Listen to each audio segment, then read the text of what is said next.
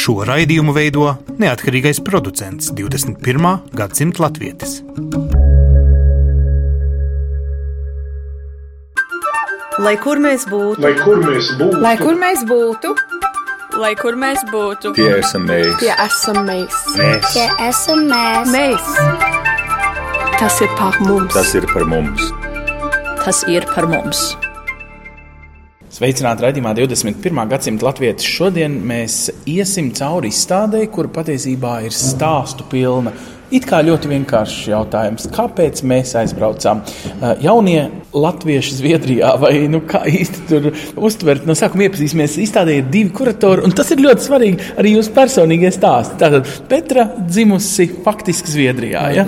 Ra ražota Latvijā un dzimusi Zviedrijā. Jā, nu, tā tad uh, viss tas stāsts par sauksim viņu par veco trimdu. Ja? Veco trimdā. Gunta, tu neesi dzimusi Zviedrijā, bet nu, jau kādus cik gadus? Astoņus, astoņus ar pus gadus. Jā. Un ko tu dari Zviedrijā? Es strādāju kā latviešu valodas skolotāja, rakstu par Zviedriju Latvijas avīzei un veidoju šādus projektus. Nu, re, un Petra ņēma rokā savu fotokameru un devās pie latviešiem visā Zviedrijā un meklēja to dažādību. Tu patiesībā meklēji savējos, vai tu meklēji savādāko? Ko tu meklēji ar savu objektīvu? Tas ir labs jautājums. Mēs abi meklējām latviešu, kas nav, es drīkst tā teikt, caurmēra akadēmiķi Stokholmā, Aha. kas eh, rādās vienmēr vēstniecībā uz pasākumiem. un Tā. Mēs meklējām latviešu, kas dzīvo ārpus lielpilsētām, kas varbūt nav tik zinām mums, eh, kas dzīvo Stokholmā kā latvieši. Un tas mums arī izdevās. Nu, un te parādās tik daudzi un dažādi stāsti. Tūlīt iziesim redzējuma gaitā cauri dažiem no tiem stāstiem, un tomēr tie ir. Drīkst teikt, pārsvarā nu, 30, 40 uh, gadus jauni cilvēki. Daudz no viņiem savu dzīvi ir sākuši, nu, būtībā vēlreiz sākuši. Tā var teikt. Ja? Jā, tā, ir pavisam pareizi. Tā ir. Jā. Ievērojams arī, kad, kad, kad viņi sākuši jaunas dzīves šeit, un viņiem gandrīz visiem ir izdevies to darīt labi. Vai ir kāds, kurš, ja viņam būtu neizdevies, būtu ar mieru ar jums runāt? Mēs tā citreiz dzirdam, ka nu, pat ja kļūst par bezpajumtnieku Londonā, lepnumu pēc nebrauks atpakaļ. Nu, manos raidījumos ir bijuši tādi stāsti. Grū, grūti atbildēt to. Bet, bet, bet mēs, tiem, kuriem mēs prasījām, nebija tā. Teiksim, viena sieviete, viņai bija ļoti grūti apstākļi, ko mēs e, stāstījām. Visiem nav zelta stāstu šeit arī, bet, bet labi stāsti visi. Gunte, nu kā tie stāsti top? Te pie katras bildes ir viens, eh, es domāju, ļoti emocionāls stāsts, un tomēr tas nav gluži žurnālists Guntes apraksts. Ja? Tas ir tā kā, drīzāk tu tā kā tāds barontēvs, es pierakstījusi no cilvēka teiktā. Nu, principā tā arī ir, jo man bija svarīgi dzirdēt cilvēku stāstu. Tā nebija struktūrētā intervija parastajā teiksim, formātā. Tas bija cilvēka stāsts par to, kā viņš jūt, ko viņš jūt, un tie jautājumi izrietēja no tā, ko viņš stāstīja. Protams, bija lietas, kas varbūt atkārtojas un, un par latvietību un latviešiem, kas man likās svarīgi, ko viņi jūt un kā viņi jūtās, kāda ir viņu identitāte, ņemot vērā, ka viņi tiešām ir šobrīd jau var teikt veiksmes stāsti. Bet jā, es biju tikai cilvēks, kas, jā, kā barontora tēvs, interesants salīdzinājums, kas uzklausa. Nu, tā ir tā mūsdienu Jā, realitāte. jā, Jūs mēģināt jā. viņu ar vienkārši mūsdienu veidu nu, iekļaut. Nu, man uzreiz vienkārši jāpasaka, Latvijas Universitātes um, bibliotekā Kalpaka bulvārī 4A. Nu, tas ir uz brīvības bulvāra un uz Kalpaka bulvāra stūra. Tā skaistā atrestaurētā māja. Faktiski līdz, uh, varētu teikt, valsts svētku priekšvakaram uh, būs šī izstāde apskatām. Mēs tagad izstaigāsim kopā un mišķiņi paskatīsimies un paklausīsimies. Pirmkārt, jo šī ir skatām un klausām izstāde. Tie esam mēs. Mēs mēs. Dažreiz izstādēs mēdz būt tā, ka objekti atdzīvojas. Un te lūk, blakus bildei, kur rakstīts, ka Linda Brīvula ir divreiz braukusi prom no Latvijas un katru reizi bijusi priecīga par to. Linda, tu esi speciāli no Zviedrijas atbraukusi, lai paskatītos, kā tu izskaties, kad tevi nofočē un pakar Latvijā pie sienas. Tev ir svarīgs mirklis, ja? lai tevi Latvijā dzird ar tavu stāstu. Es domāju, ka vairākums tas viss projekts man patika. Man vispār, pirmkārt, ar Petru, kad es iesāku, kad viņa fotografēja, viņa man uzrunāja. Un es domāju, man tas patika. Un es domāju, kāpēc neatbraukt uz uh, tieši atklāšanu un palīdzēt arī Petrai un Guntai ar to, ka ir kāds dalībnieks, kurš ir atbraucis šeit un var ņemt līdzdalību un iet riņķī apkārt. Es īstenībā gribēju arī uzzināt citus stāstus. Ah, jo Tā, jūs savā starpā izstādē, nu, izstādītie cilvēki vai stāsti drīzāk nemaz neesat pazīstami. Nē, jūs visur nē. kaut kur Zviedrijā, katram mm -hmm. savs stāsts, bet kopā neesat ne draugi, nekas. Nekas, nē, nekas. Un tev pārsteidz tas latviešu stāstu dažādīgums. Jā, kā es pati domāju, kā arī Petra man stāstīja iepriekš, ir tādi gaišie stāsti un varbūt netik gaišie. Tu galīgi neesi tumšais, pareizi. Jā, es kaut ko Ja izlasi, tu vienkārši sporta dēļ, tad pēc tam mīlestības dēļ aizbrauc, nu kas te kaut kas Zviedrijā, turp šurp atpakaļ, vai ne katru sestdienu pie mammas un māsām. Nu, apmēram ne, bet eh, ne tik bieži, bet nu, 50 minūšu lidojums kā šorīt, tas bija fantastiski. Ja tas, tā kā, Bet tu patiesībā esi prom, ja tu esi vienkārši nu, garā komandējumā. Kur tu esi? Mm. Ko tu dari Zviedrijā? Kā tev Nu. sajūta līmenī? Ko tev tas nozīmē? Nu, es domāju, sajūta līmenī es esmu tur, kur mans draugs arī ir. Kaut kā atdalījusies kā emocionāli no ģimenes, jo es esmu jau pieaugusi meitene, liela meitene. Bet eh, nu, tā kā ir šeit, tā kā ar vienu kāju gan varu tur, gan varu tur. Tā ir man tā nostāja. Visu dzīvi nostāvēt ar vienu kāju tur, ar otru tur. Tā jūra ir pārāk plata Jā, ar. Zviedriju un Latviju. Tev vienā dienā ir kaut kas jāpieņem, kaut kāda lēmuma, ja 21. gadsimtā var nepieņemt lēmumus. Es domāju, kā būs. Es domāju, to lēmumu es pieņemšu kopā ar savu puisi. Arī, un, mm -hmm. un, ja tas. Viņš arī būs, viņam pat ir vēl interesantāks stāsts, kā es vienmēr saku, nekā man. Man ir tā kā vienmuļš, man ir Linda Brīvula, Latvijas plus Latvijas bērns. Vēl ar Linda. gaišiem matiem, Tieši tā, man tur ir tik garlaicīgs. pazust? Man arī jautā, vai tu esi zviedriete. Nu, jā. man tā arī prasa, kad Nu, esi gara augumā. Tieši tā, viss, viss kā, kā ir, vai ne? Mm. Un, bet es domāju, es, es nevaru atbildēt šo jautājumu. Ja arī būtu kādreiz, kad mēs tā abi izlēmjam, zini, dažādu apstākļu dēļ, varbūt brauksim uz Latviju, bet tā, ka es rautos, ne, nav. Nu, bet kas tad tev Zviedrija ir? Tā kā uz, Tā uz kā- mirkli kaut kāda mītnes vieta? tā Ne kā- uz mūžu, varbūt pat. Aha. Ir. Nē, Es uz iemīlēju mūžu. Zviedriju tā praktiski. Jā, jo man tur ir visas lietas, ko es daru, un man tur patīk. un Man ir arī emocionālais aspekts tur arī. un Tad, kad es varbūt gribu uz Latviju, pārsvarā vasarā, tad arī dzirdi, kā braucu. māsa iešņācās tajā brīdī, Jā, kā uz mūžu, dzirdēju. ko tik skaļi. Čau, kā tevi sauc? Līva. Līva. Māsa pasaka uz mūžu. Nē, man tas nepatīk. Jo Nu, man, bet es esmu tā ir māsas dzīve. Jā, es zinu, es esmu ļoti tuvu viņu. Man nepatīk viņa tur ir. Nu, par, viņa- nu, ko ne, tu, tu vari atrisināt? ļoti daudz tu iekāp lidmašīnā un būs labi. Nē, bet viņi ļoti daudz arī atbrauc uz Latviju. Tas man ļoti patīk. Tādā, tādā ziņā viss ir. Tādā ziņā viņi nav uzdrošinājusies Jā, līdz viņa- Austrālijai. Zviedrija ir tepat Jā. blakus. Tie ir tikai es tīri uh, egoistisku jūtu Bet, klausies, nu, bet kas tas ir? Nu, ja cilvēks pasakā, ka viņam tas ir uz mūžu, nu, tas taču ir normāli. Viņi vismaz zina, ko viņa grib. Kāpēc viņai tagad vajag šņākt virsū? Es esmu, kas es viņu te gaidu Latvijā. Man, tu neesi viņas boyfriends, tu esi tikai saprotu. māsa. Es saprotu, bet es esmu egoistiska. Un man viņa ir tuva, un es viņu gribu šeit. Labi, paskatīsimies, mazā māsa, ko viņa, viņa nešņāca tajā brīdī. Tu saproti, māsa, ko, nu, ka viņai tā ir un viss. Es viņu pilnībā saprotu. Es esmu par to terminu pasaules pilsonis, kas var būt visur, jo Linda viņa ir prom no Latvijas, kā no zemes un teritorijas, bet tur viņa aizvien ir latviešu skoliņā, viņa piekopa latviešu tradīcijas, dara daudz ko. Tad, liekas, būdama ārā, viņa ir vēl lielāks latviečs viņa- nekā te uz vietas. Ja godīgi, man liekas, viņa esot tur ir lielāka Latvija kā es šeit uz vietas. tā saslavēja. Um, es, ko, ko es esmu pat arī dzirdējis, man bieži uzdod jautājumu, kāpēc tu ej uz to latviešu skolu sestdienās, kas ir tev bērns, tur nav, ko tur dara. Apmēram. Man pat džeks tā prasīja vienu rītu vezdams, un es saku, es nezinu, laikam entuziasms, laikam tas, ka tas bērns tur ir un viņš mēģina runāt latviešu. Ko es esi skolotāja nu, jā, lat- nu, volontieris, kā saka, nu, kā saka volontieris. Nu jā, nu, tā brīvprātīgais, jā. brīvprātīgā. Un tad it kā liekas, ka dažreiz jau es arī domāju, kāpēc gan nē. Un tad ir tā latvietība, ko es tur praktizēju, bet tas fiziski varbūt es neesmu šeit, Latvijā. Tāpat tas nozīmē to, ka es esmu latvieta. Paklau, paklausīsimies, ko mamma Brīvuls kundze, kā jūs sauc? Lolita. Lolita, nu, jūs iekodāt lūpā tajā brīdī, kad meita saka, nu, man tas varbūt pat ir uz mūžu. Es vienkārši tā jūtos labi. Uh, kaut ko vajag pārmest. Jums jau divas citas meitas tepat paliek. Nekas traks. Jā, godīgi sakot, Zviedrija nav no tāliem gal- gabaliem. Viņi var atbraukt, komunicējam visādiem saziņas līdzekļiem. Jo nu, meitai taču ir jāatdalās no mammas vienā protams. brīdī. Attiecīgi, Meitai nu, jādzīvo vieglāk ir atdalīties ar jūras starpā. Jā, vieglāk jūra nekā kā bija Amerikā. Aha, nu tā tad jums pat eh, tā kā labāk tad Zviedrijā. Labāk Nedodies vēl Zviedrija- Amerikā būt labāk- iemīlējusies. Labi, jā, labāk Zviedrijā. Es teicu, saku, meitenes mīļāk, brauciet atpakaļ tuvāk, lai būtu tuvāk. Sakiet, jums tagad meita ir izstādes eksponāts uz kādu Jā, mēnesi. uz kādu mēnesi, Par jā, es- viņu runās, draugi atnāks un paskatīsies. Kā jums liekas, kā Latvijas sabiedrībā būtu jānolasa šīs realitātes? Nu, katrā trešajā ģimenē taču ir viena māsa kaut kur ārzemēs. Jā, ir. Man, piemēram, arī divi dēli man ir Anglijā, un Linda ir Stokholmā.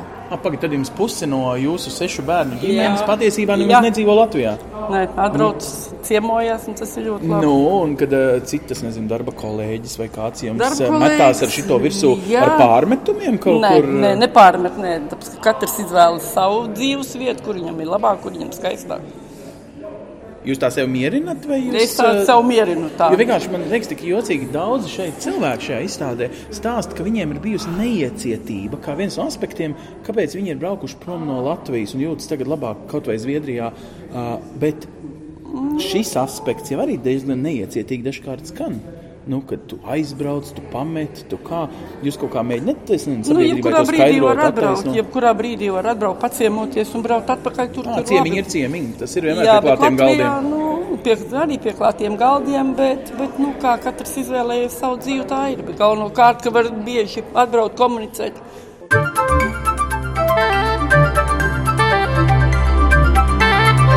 Tie esam mēs. Kad jūs paši tagad uh, skatāties uz šīm dokumentētajām nu, liecībām, viņas jau ir svarīgas tikai latviešiem Latvijā, jeb arī latviešiem Zviedrijā. Tā ir daļa no pašu komunas vēstures. Nu, Pēter, tu teici, patiesībā līdz ar jauno ieceļošanu komūna ir, ja ne divkāršojusies, tad faktiski pat trīskāršojusies. Nu, ko tas dod nācijai? Grūti atbildēt, bet tas ir svarīgi, tāpēc, ka šitā, teiksim, no Zviedrijas viedokļa Latvija ir, ir valsts, kas ir pavisam blakus Zviedrijai. Tas ir viens, un otrs, ka diezgan daudz latviešu tomēr ir aizbraukuši. Tā kā es t- stāstīju agrāk, kad, kad mēs bijām 4, 4,5 tūkstoši latviešu Zviedrijā, tagad, kad es runāju ar statistisko pārvaldi, tur bija pēdējos gados apmēram 8 tūkstoši ir dabūjuši Zviedrijas personu kodu. Tad tie oficiāli ir tie 8000, bet reāli jau strādā. Un, reāli, un trešais ir, ka reāli ir daudz, daudz vairāk. Varbūt, es, es domāju, varbūt desmit tūkstoši, vai kas nāk klāt, kas brauc uz darbu pirmdienas rītā un brauc atpakaļ mājās Latvijā piekdienā un, un pavada savu brīvo laiku šeit. Un nu pats bājot, tas ir 21. gadsimta Eiropas vēsture, ko jūs dokumentējat. Ja tā padomā, jā. lielā tautu staigāšana jā. bez robežu situācija izraisa citus. Jā. Nu, ko tad beigās viņi izraisa? Traģēdijas vai vienkārši neparastus stāstus? Viņi ir neparasti stāsti, jo katrs stāsts ir unikāls. Bet uh, tas, kas man liekas, ka šeit arī mēs redzam arī tiem latviešiem, kas dzīvo Zviedrijā, varbūt mums likt dzirdot, vai redzot, vai lasot šos stāstus, saprast arī, ko es tur daru un kā man iet. Jo um, uz ko es eju un kāpēc es tur esmu. Jo ir ļoti svarīgi arī uh, tas, ko es domāju, tā integrācija. Šie cilvēki ir integrējušies, saglabājot savu latviešu identitāti. Un tas, man liekas, arī ir svarīgi mums. Zitas un valdes stāsts. Vidusskolā man bija iespēja braukt mācīties uz Zviedriju. Es sāku pilnīgi jaunu dzīvi, kā cilvēks un kā personība. Es mācījos, kā funkcionē ģimene, kurā nav atkarības, kurā mēs varam izrunāt visu, arī to, kas nepatīk, tad arī nav akmeņi jānesā līdzi.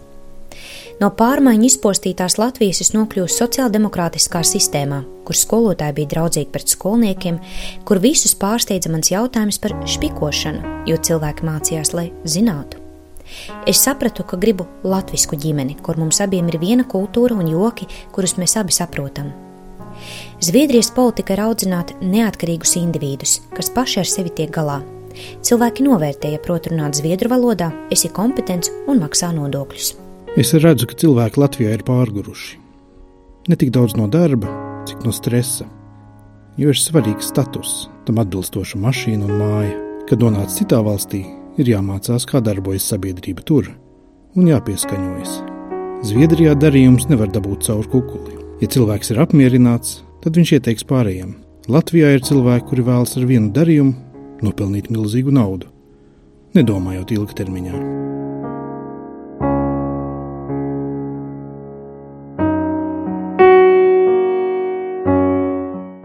Solvitas stāsts. Viens no iemesliem, kāpēc es pārcēlos uz Zviedriju, bija Latvijā valdošie aizspriedumi un citādības nepieņemšana, jocīgas drēbes, cita orientācija vai savādāk kādas krāsa. Cilvēkiem ir grūti, ja nevar atklāt savas jūtas, būt tas, kas viņš vai viņa ir patiesībā. Mani bērni runā trīs valodās - zviedru, latviešu un lingala tēva valodā. Mēs paralēli apguvām divas valodas - tēvu un mātes. Vienu vakaru es lasīju un rādīju bilžu grāmatu latviešu valodā, nākošajā vakarā tētis to pašu grāmatu lasīja lingala valodā. Zviedru valodu bērni apguva uzsākot pirmsskolas gaitas. Es stāstīju bērniem pasaku par sprīdīti, mūsu nacionālo varoni, kurš gāja pasaulē laimi meklēt, palīdzēja citiem, cīnījās ar ļaunajiem un galu galā atgriezās laimīgajā zemē, Latvijā. Latviešu valoda ir mana dzimtā valoda, kurā es varu pateikt visu, varu izdziedāt, varu izraudāt. Es nevarēju iedomāties ar saviem bērniem runāt valodā, kurā es varu būt pārprasta. Esmu priecīga, ka mani bērni runā latviešu valodā.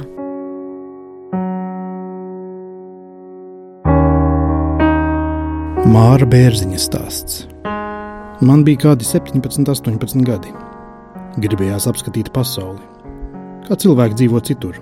Nodarbinātības valsts dienesta mājaslapā atradu ārzemju sakaru nodaļu, kurai bija kontakti ar darba devējiem ārpus Latvijas.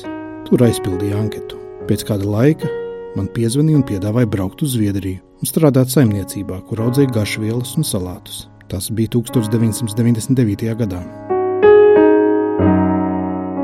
Solvitas stāsts. Uz Zviedriju pārcēlos 2010. gadā, lai glābtu meitas dzīvību. Viss sākās ar to, ka gadu iepriekš mana 15-gadīgā meita nokrita un sasita celi. Pēc laika celis uzpampa kā bluķis. Izmeklēšanā slimnīcā visas analīzes bija labas, izņemot vienu rādītāju, ko Latvijas ārsti nevarēja saprast. Tika uzstādīta nepareiza diagnoze, un ārsti sāka eksperimentēt ar zālēm. Prognozes par manas meitas veselību bija ļoti bēdīgas. Es uzteicu darbu, pārdevu dzīvokli un braucu uz Zviedriju. Izmeklēšana, kas ilga divus gadus, bija par brīvu, man pat tika apmaksāti ceļa izdevumi uz un no slimnīcas. Jutos smagi, aizbraucot uz Latviju. Daudzas no manām draudzenēm strādā divos, trijos darbos, lai nomaksātu rēķinus, un ir nenormālā stresā. Zviedrijā mēs maksājam augstus nodokļus, bet arī saņemam pretī no valsts. Ārsta apmeklējuma maksājumiem ir griezti - 1000 kronus gadā. Skolā grāmatas un pusdienas ir par brīvu. Esmu integrējusies Zviedrijā pilnībā, bet es neaizmirstu savas saknes. Katru novembrī uzlieku sarkanbaltus aizkarus un Latvijas karogu. Kādam gan jābūt cilvēkam, lai viņš aizmirstu, no kurienes viņš nāk? Lai gan es pārvaldu zviedru valodu, man pietrūkst mīļvārdiņu. Latviešu valodā es varu izpausties tiešāk.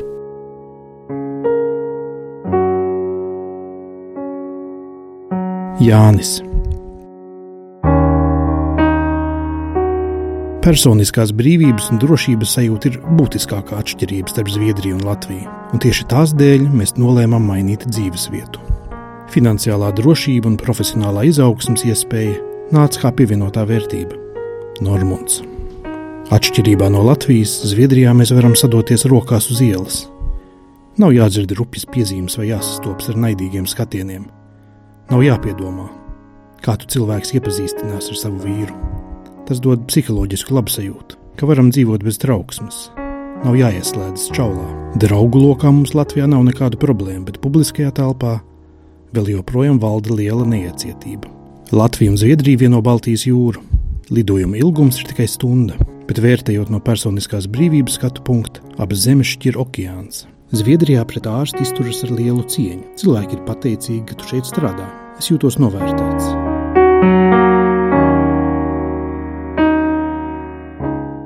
Jānis. Mana mamma ilgstoši slimoja. Cīnījās ar ļaundabīgu audzēju. Īsi pirms nāves viņa man sacīja: Jāni, ar vienu notiņu gan mums ir paveicies. Kad mūsu pēc dažiem gadiem laulāja jūras krastā Kalskrūnā, tad mammas sacītie vārdi tur atbalsojās kā viņas dotā svētība. Ja man noliktu priekšā Zviedrijas un Latvijas karogu un liktu izvēlēties, man to būtu grūti izdarīt.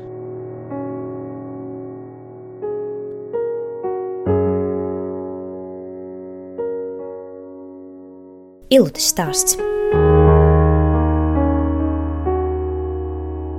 Man bija astoņi gadi, kad kopā ar mammu atbraucām uz Zviedriju. Es ļoti novērtēju kopā pavadīto laiku ar mani ģimeni un draugiem, tas dod enerģiju. Kad nomira mans tētis, es sapratu, ka katru dienu var kaut kas mainīties, ka mums ir jānovērtē tas laiks, kas ir dots. Mana mamma darīja visu, lai mēs ar brāli saglabātu latviešu valodu. Joprojām esmu Latvijas pilsone, man ir svarīgi saglabāt saites ar zemi, no kurienes es nāku. Es ļoti vēlos izdarīt kaut ko labu Latvijai, izveidot sadarbību, lai palīdzētu vecākiem cilvēkiem, kuri palikuši vieni Latvijā.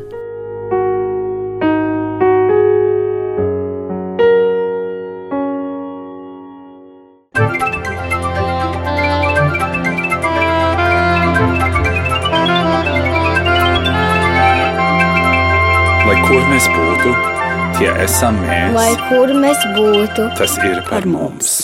Mēs varētu teikt, ka nu, vismaz migrācijas pētnieki Jā. saka, ka pirmie pieci gadi tā ir tāda garšošana no tās jaunās valsts. Un ka tagad, nu, kad cilvēkam ir pagājuši vairāk kā pieci gadi, viņš sāk jau prasīt, kas es esmu, ko es daru. Uh, nu, kā te izstādē viens no jūsu uh, varoņiem saka, man tie zviedru bonusi nav tik svarīgi, kā tā ģimenes sajūta. Man kaut Jā. kur tas liekas, tas ir tas mirklis. Mums tagad viņš jāpiefiksē.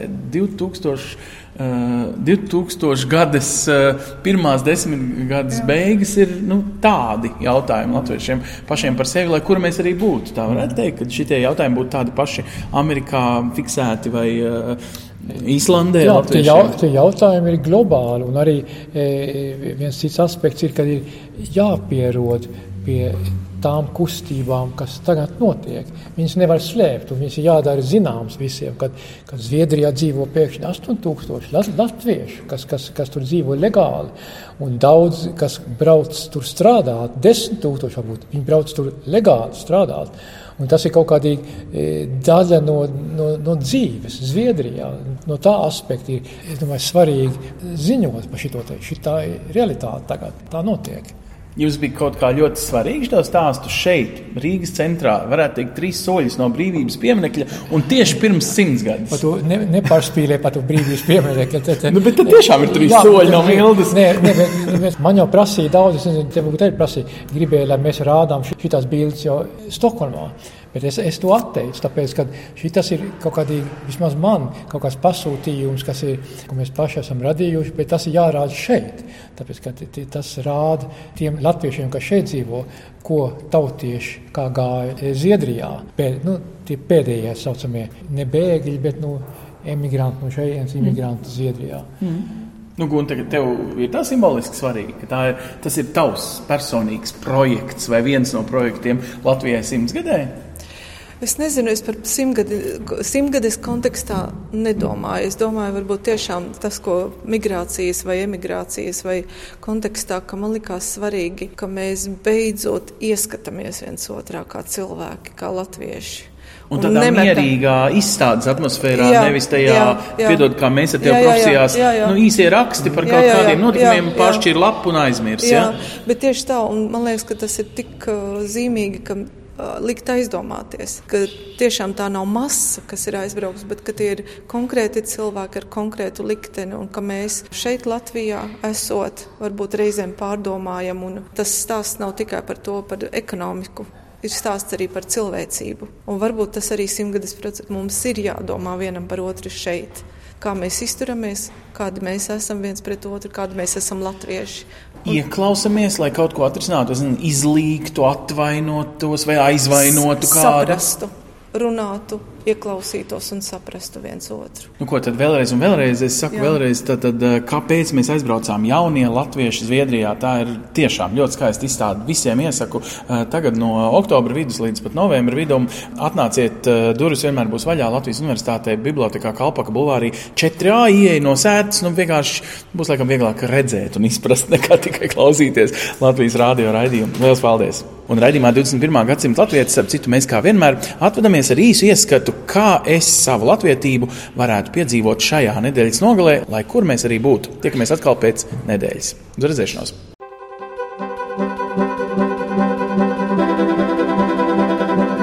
Sadarbībā ar, ar Latviešu.com piedāvājam globālais latviešu notikuma apskats, kur ir tur rodas. Kur ir tur rodas? Tas ir par mums! Luksemburgas Latviešu biedrība sadarbībā ar Eiropas Latviešu apvienību no 19. līdz 21. oktobrim Luksemburgā pulcēja diasporas nozaru ekspertus no visas Eiropas, kā arī Luksemburgas un Latvijas partnerus apaļā galda diskusijām par Latvijas izaugsmes iespējām kosmosa industrijas, transporta un loģistikas nozarē, kā arī investīciju piesaistē. Nākamnedēļ tautieši pasaulē aicināti piedalīties dažādos izglītojošos semināros, gan arī apmeklēt daudzpusīgus kultūras sarīkojumus. No 23. līdz 25. oktobrim Latvijas Investīciju un attīstības aģentūra aicina informācijas tehnoloģiju un startup uzņēmumus piedalīties Milānā notiekošajā tirdzniecības misijā. Trešdien, 24. oktobrī tepat Latvijā norisināsies fórums Rēmigrācija Latvijā. Pasākumu būs iespēja vērot arī tiešraidē, Daugopils pilsētas domas mājaslapā un sociālās tīklošanās vietnes Facebook lapā. Savukārt Beļģijā tiks atklāts filmu festivāls Film On, kura gaitā īpaša uzmanība pievērsta tieši Latvijas filmām. Piektdien, 2. novembrī, interesanti varēs noskatīties Madaras Dišleres filmu Paradīze 89, kā arī Edmunda Jansona īsfilmu Bize un Neguļa.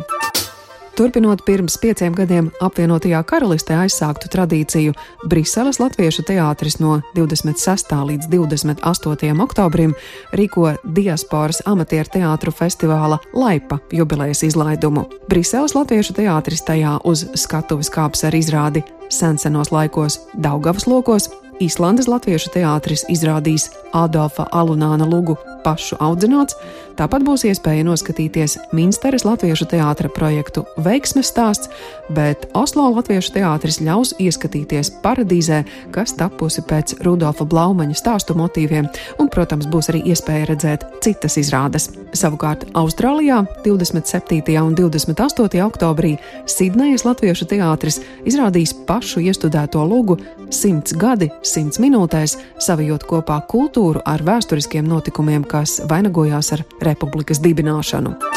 Plašāku informāciju par daudziem citiem gaidāmajiem notikumiem, kas saistoši visā pasaulē dzīvojošajiem latviešiem, meklējiet portālā latvieši.com notikuma sadaļā, 21. gadsimta latvietis Facebook lapā, kā arī daudzās jau daudzās latviešu kopienu mājaslapās pasaulē. Raidījumu veido Ancis Bogustovs, Paula Gulbinska, Arta Skuja un mūsu ārzemju korespondenti. Raidījuma producents Lukas Rozītis.